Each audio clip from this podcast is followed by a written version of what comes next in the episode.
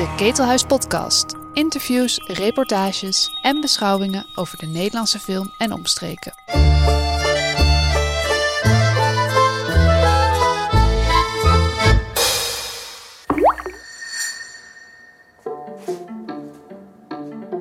Welkom bij het eh, Ketelhuis Itzva Journaal op locatie. Dit keer bij Tuschinski in eh, Amsterdam.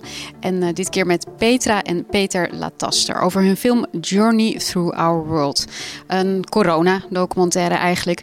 Want door de restricties van de lockdown besloot het regisserende echtpaar de camera op zichzelf te richten, de tuin en op de buren. Jullie hebben natuurlijk wel eerder laten we zeggen, persoonlijke documentaires gemaakt. Ik herinner me niet zonder jou. Het ging over de ouders Ja. van jou.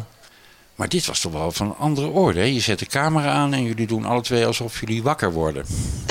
Ja, precies. Dus je zet de camera aan, je zet de camera neer, je, je kruipt in bed en je doet alsof je wakker wordt.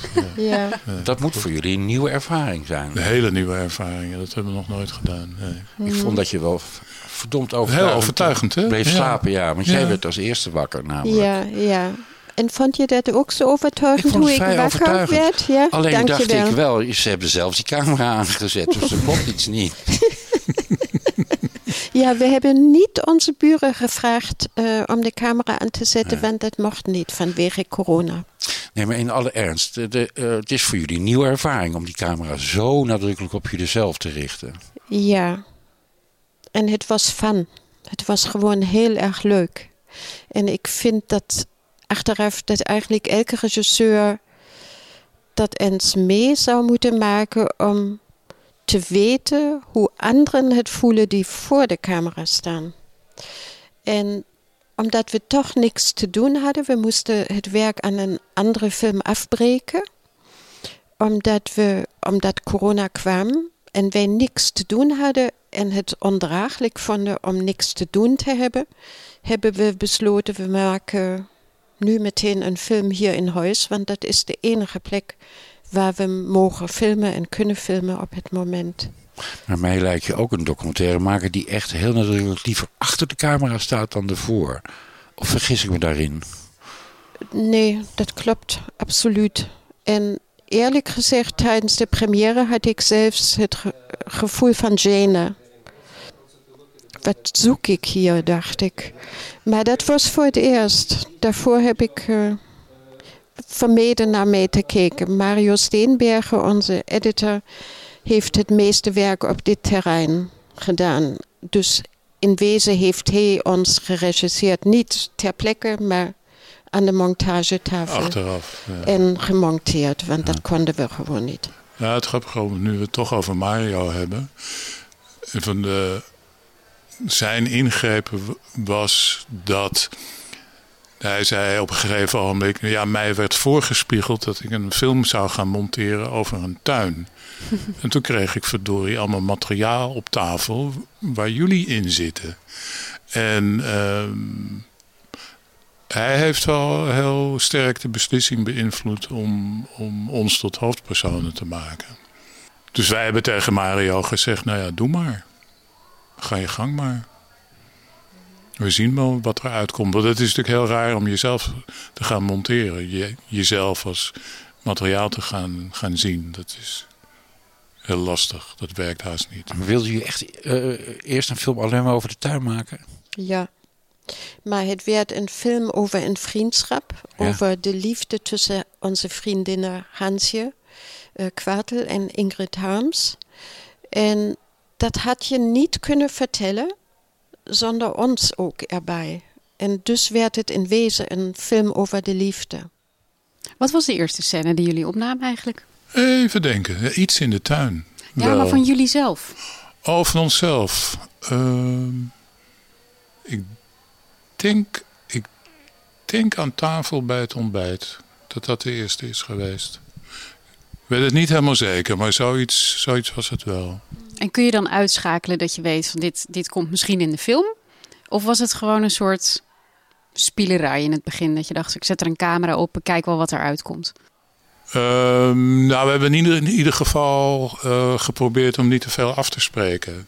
En ehm, of we hebben in ieder geval ook gemerkt dat als we dat wel deden, dat het dan ook niks werd. Dus dat je dat allemaal weg kunt gooien. En, maar we hebben de camera neergezet, een poosje laten lopen. En op dat soort momenten, momenten uh, gekeken wat er in ons opkwam. En dat, dat was heel vaak een reactie op iets wat we in de krant lazen. Of wat we van andere mensen hadden gehoord. Of, uh, en soms was het ook een, een half uur lezen en dan je herinneren dat de camera nog loopt. Dit gebeurde Dan hadden we gewoon een leeg een shot waarin niks gebeurde. En twee mensen die mm. Muesli zitten te eten.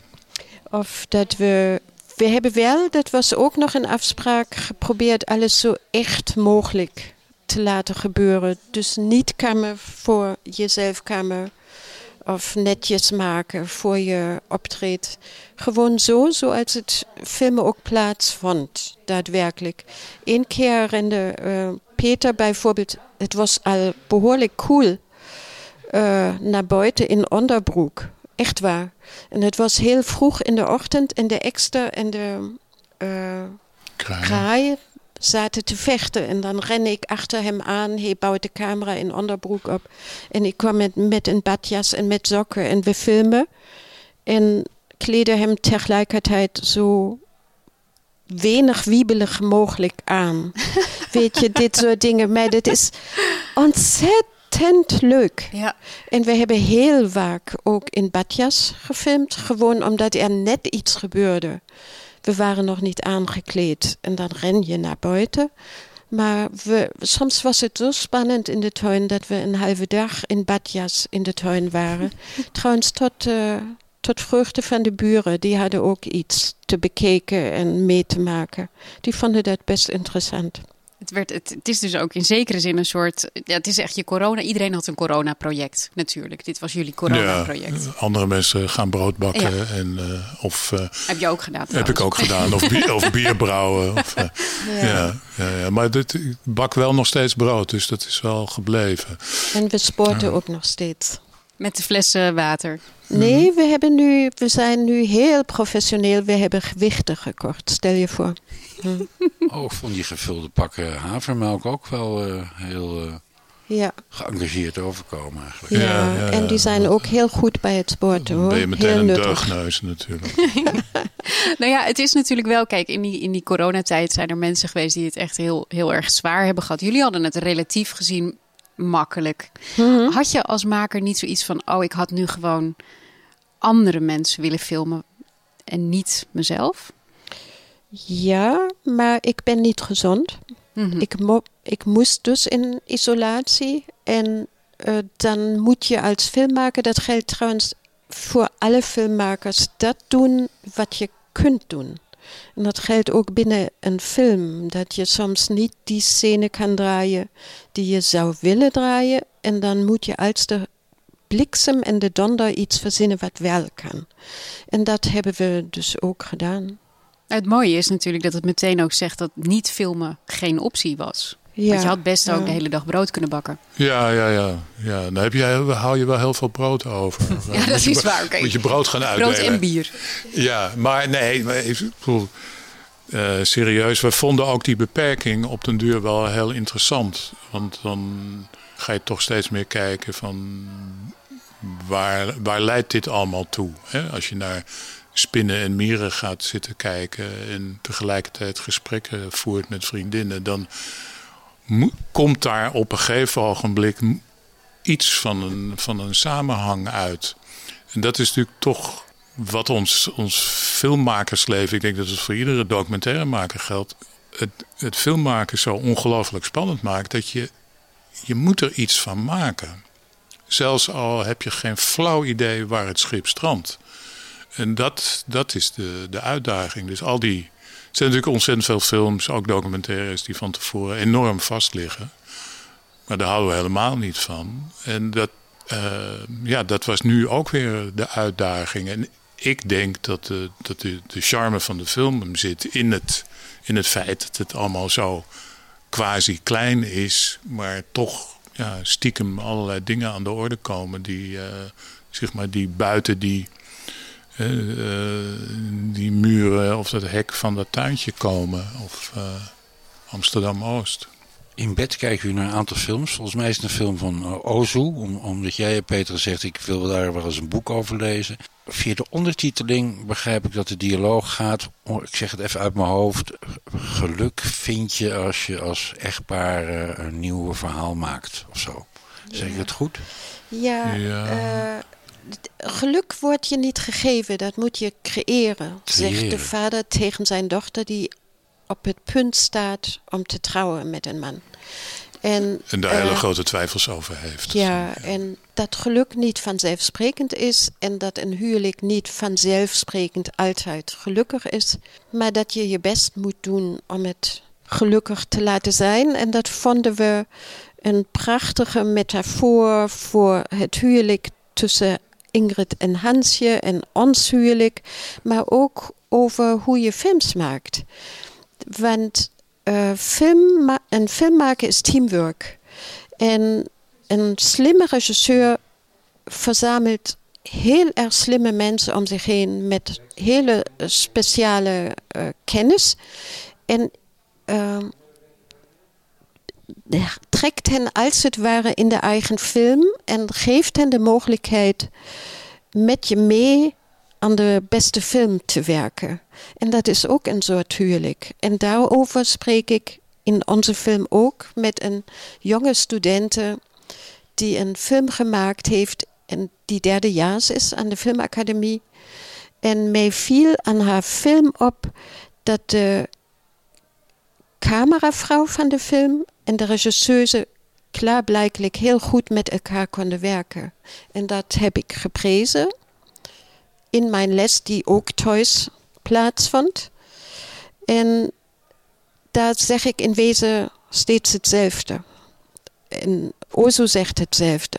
Je moet je best doen om samenwerking mogelijk te maken. En ik vind dat dat niet alleen in huwelijken geldt, maar ook tussen landen en in alle relaties die er spelen.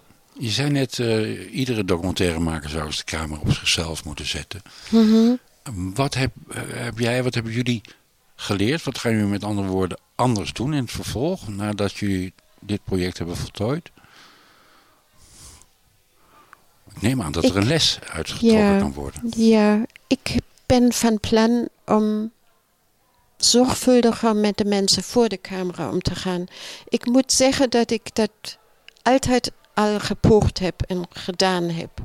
En we vinden het bijvoorbeeld heel erg belangrijk voor een film uitkomt die we gemaakt hebben, dat allen die in de film te zien zijn, tenzij ze even langskomen in de film, de film van tevoren gezien hebben en uh, desnoods ook kunnen protesteren. Vind ik heel belangrijk, maar Peter net zo. Dat is. We zouden nooit mensen zomaar op het grote doek een film presenteren waarin ze zelf, op, uh, waarin ze zelf te zien zijn. Maar ook dat daarvoor, voor je begint met filmen en het intense begeleiden van mensen tijdens het filmen en ook daarna, dat vind ik nog belangrijker dan het ooit was. Even terug eh, naar de natuur. Uh, Peter, jij uh, je had nog nooit spinnenwebben en torretjes en hele kleine larfjes zo van dichtbij gedraaid. Had je, had je, die, lenzen, had je die lenzen wel in huis? Nou, ik heb, ik heb één dingetje gekocht. In het begin. Maar dat, ja, nog een extra verlenging van mijn grote zoomlens die ik wel had. Dus -huh. dan, en af en toe hebben we een lens geleend. Ja, we hebben wel een macro-lens uh, gehuurd. Mm. Dus vooral die, al die hele kleine dingetjes. Dus de, de bladluizen en de mieren en zo. Ja. Dat is met uh, macro-lenzen gedaan. Die had, ik, die had ik niet in huis. Maar... Is toch een heel nieuw métier, hè? ja, dat is ontzettend oefenen. Ja. We hebben ook de, de editor heeft allemaal eh, vakjes in zijn, in zijn computer van de verschillende soorten shots. Dus de vogels, 700 kraaien bijvoorbeeld. -huh. En uh, dus we hebben ons, ons gek gefilmd aan, aan inderdaad voor de, de vogels in de, in de buurt. En dan heb je echt eindeloos veel materiaal waar het gewoon totaal niet lukt omdat die beesten nooit doen wat jij wil. Dus dat is. Uh... Ze zijn niet te temmen. Nee, Echt het is echt uh, heel... Uh... Dus de rol van Kraai junior wordt door verschillende kraaien vervuld. Nee, nee. Kraai junior is Kraai junior. Dat wel, dat ja, is ja, één en dezelfde kraai. Dus één ja? en dezelfde kraai. Nee, van, de, goede van de tak afdondert. Ja, ja, nee, nee, dat is echt uh, junior. Maar, maar die hadden zo echt hun vaste plekken. Daar kon je ook weten van dat is die en dat is die. En in, in het begin, of in die tijd, waren ze nog echt ook als gezinnetje bij elkaar. Dus mm. pa en ma en zoonlief, of dochterlief, dat weten we niet. Maar uh, en pas eigenlijk recent pas is junior op eigen benen komen te staan. Dus die, die zien we niet meer. Mm -hmm. Jullie film is in zekere zin ook een, uh, een requiem voor Ingrid. Ja. Hoe, hoe is dat om dat proces te laten zien?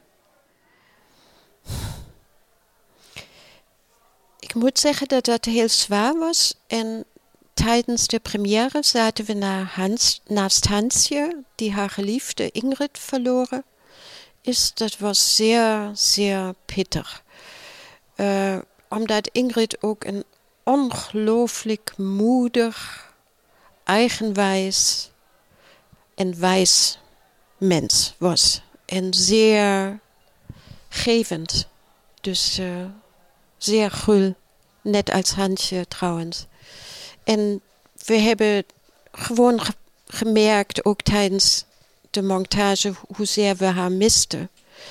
Maar tegelijkertijd is het extreem troostend dat je aan een eerbetoon aan haar werkt. En we hebben gisteren, dat was de dag na de première, met Hansje gebeld om even met haar te kletsen over de première en haar ervaringen in de gesprekken met andere mensen. En we hoorden onze lieve vriendin Hansje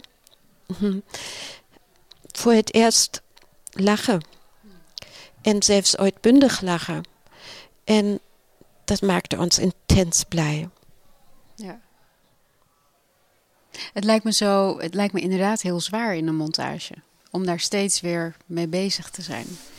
Ja, en het, het, wat het ook best ingewikkeld maakte, is dat het waren geen interviews. Het waren echt uh, uh, vriendengesprekken. Dus we zaten dan een uur of soms langer zaten we met elkaar in, in de Zoom. En we kletsten over van alles en nog wat. Zonder richting en zonder plan of regie. Of van dat wij een lijstje hadden liggen van ja, we moeten het ook nog daar en daar over hebben. En uh, dus ja, dat vloog alle, alle kanten op. Zoals een normaal gesprek als je bij elkaar zit. En, uh, en we vonden het. We vinden heel bijzonder aan hen. Dat, nou ja, de, Petra zei het al, de enorme uh, kracht waarmee ze dit hebben gedragen. En Ingrid was al, al heel lang ziek en dat ging zo op en neer. En dan ging het weer een tijdje beter. En dan moest ze weer een chemokuur ondergaan. En ze deed dat altijd met een soort vanzelfsprekendheid. Dat was echt uh, ongelooflijk.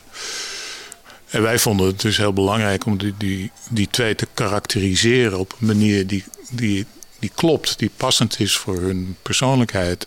Dus ook de, de humor en de, en de zelfspot was natuurlijk erg belangrijk. En daar een soort, een soort balans in te, krijgen tussen de, zeg maar, de wat ernstigere zaken en uh, de, ja, de, de, de luchtige kant of de geestige kant die ze alle twee enorm hebben. Dus dat, uh, nou, dat was nog wel een heel puzzel, omdat ze natuurlijk best veel materiaal hadden van telkens die gesprekken. Dat uh, komt er wat, flink wat bij elkaar uiteindelijk. Ook sterk van haar, hè? dat ze dat vertrouwen heeft dat dat dan goed komt. Dat je Ja, uit die berg materiaal haar zo reconstrueert dat het goed is. Ze, had ook, ze heeft nooit gezegd van ik wil dit wel of dit niet. Nee. Gewoon carte blanche. Nee, daar heeft ze mee. nooit iets over gezegd. Het enige ze het hadden van met elkaar zeggen. Nou, we hopen dat ze er iets aan hebben. Want wij, wij weten niet of het, waar het over gaat. Maar eh, nee, en dat was natuurlijk. ik bedoel, Het was een soort wederzijdse betrokkenheid. Bedoel, Ingrid vraagt niet voor niets voortdurend van. En hoe is het in de tuin? Want het was natuurlijk ook aan hun markante gevaar van een zekere saaiheid. Van de, dus ze waren ook, ook heel erg betrokken van wat er bij ons in de tuin gebeurde. En vonden het hartstikke leuk om die, uh, om die verhalen te horen. Dus, uh, ja. Tot slot, uh, jullie film is nog een aantal keren bij het ITVA te zien. En daarna, wat gebeurt er mee? Geen idee, Alex. Dat is heel raar, want we hebben geen, tenminste tot op heden, geen Nederlandse distributeur voor de film. Dus we kunnen niet eens zeggen of hij wel in de bioscopen komt. Wat natuurlijk eigenlijk de bedoeling is, dat hij in de ja, bioscopen en, en het Filmfonds heeft twee keer onze subsidieaanvraag afgewezen. Vanwege ontbrekende kwaliteit van de film. Dus... Uh, uh, Toen hij nog gedraaid moest worden of nu die voltooid is? Nee, nu die, nu die klaar is. Ontbrekende kwaliteit? Ja. Ja, ze vonden hem niet goed genoeg voor in de bioscoop, dachten ze. Oké. En, uh, en ja, distributeurs... Nou ja, het begon, ja, jij weet als geen ander hoe het is op het moment in de, in de zalen. Uh, distributeurs durven er niet aan. Uh, weten niet of ze een film als deze in de, in, de, in, de, in de filmhuizen, in de bioscopen kunnen krijgen. Over het algemeen krijgen distributeurs van Nederlandse films wel behoorlijk wat steun van het filmfonds. Ja, dus maar ook is, pas als het filmfonds akkoord heeft gegeven ja. aan de film zelf. Oké. Is er een omroep aan verbonden? Ja, de NCRV. Oh, dus ter zijn tijd wordt die wel uitgezonden? Ja, ja, ja, ja, ja, gelukkig maar. Die hebben ons ook eigenlijk financieel gered. Want we hebben de film in wezen voor het allergrootste deel zelf gefinancierd. Komt, uh, we hadden wat geld uit de opbrengsten van uh, de kinderen van Juf Kiet.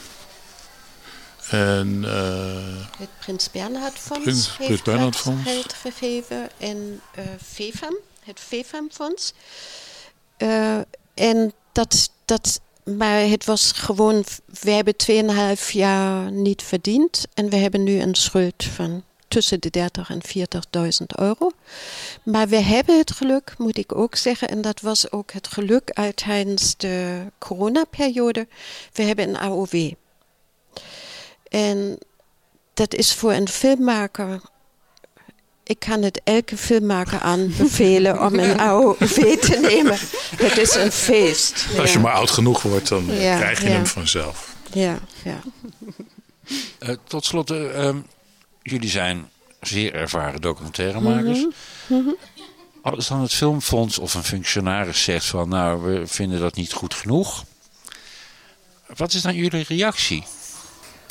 Um, nou, het is vrij complex. We kunnen het nog een keer proberen. We mogen het nog een keer aanvragen. Maar het, het, wat ontzettend jammer is, als het wel op tijd toegekend was geweest, dan zou de film meteen na het ITVA uit kunnen komen.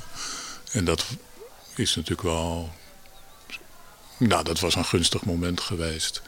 En, uh, dus nee, we waren ja, best verbolgen over het beetje bureaucratische benadering, uh, hoe het ging. Uh, bij mij is het zo, Peter is zelfbewuster en die denkt facten. Sorry dat ik het zeg. Deze taal. En ik begin aan mezelf te twijfelen. En, uh, maar we hebben nu tijdens uh, de première zo waanzinnig veel lof van mensen op wiens oordeel wij heel erg goed letten en die ook oprecht zijn gekregen. Nu denk ik ook factum. Je twijfelt niet meer aan jezelf. Heerlijk. Toch, ik twijfel geregeld aan mezelf, maar nu even niet meer. Dankjewel voor dit gesprek. Graag gedaan.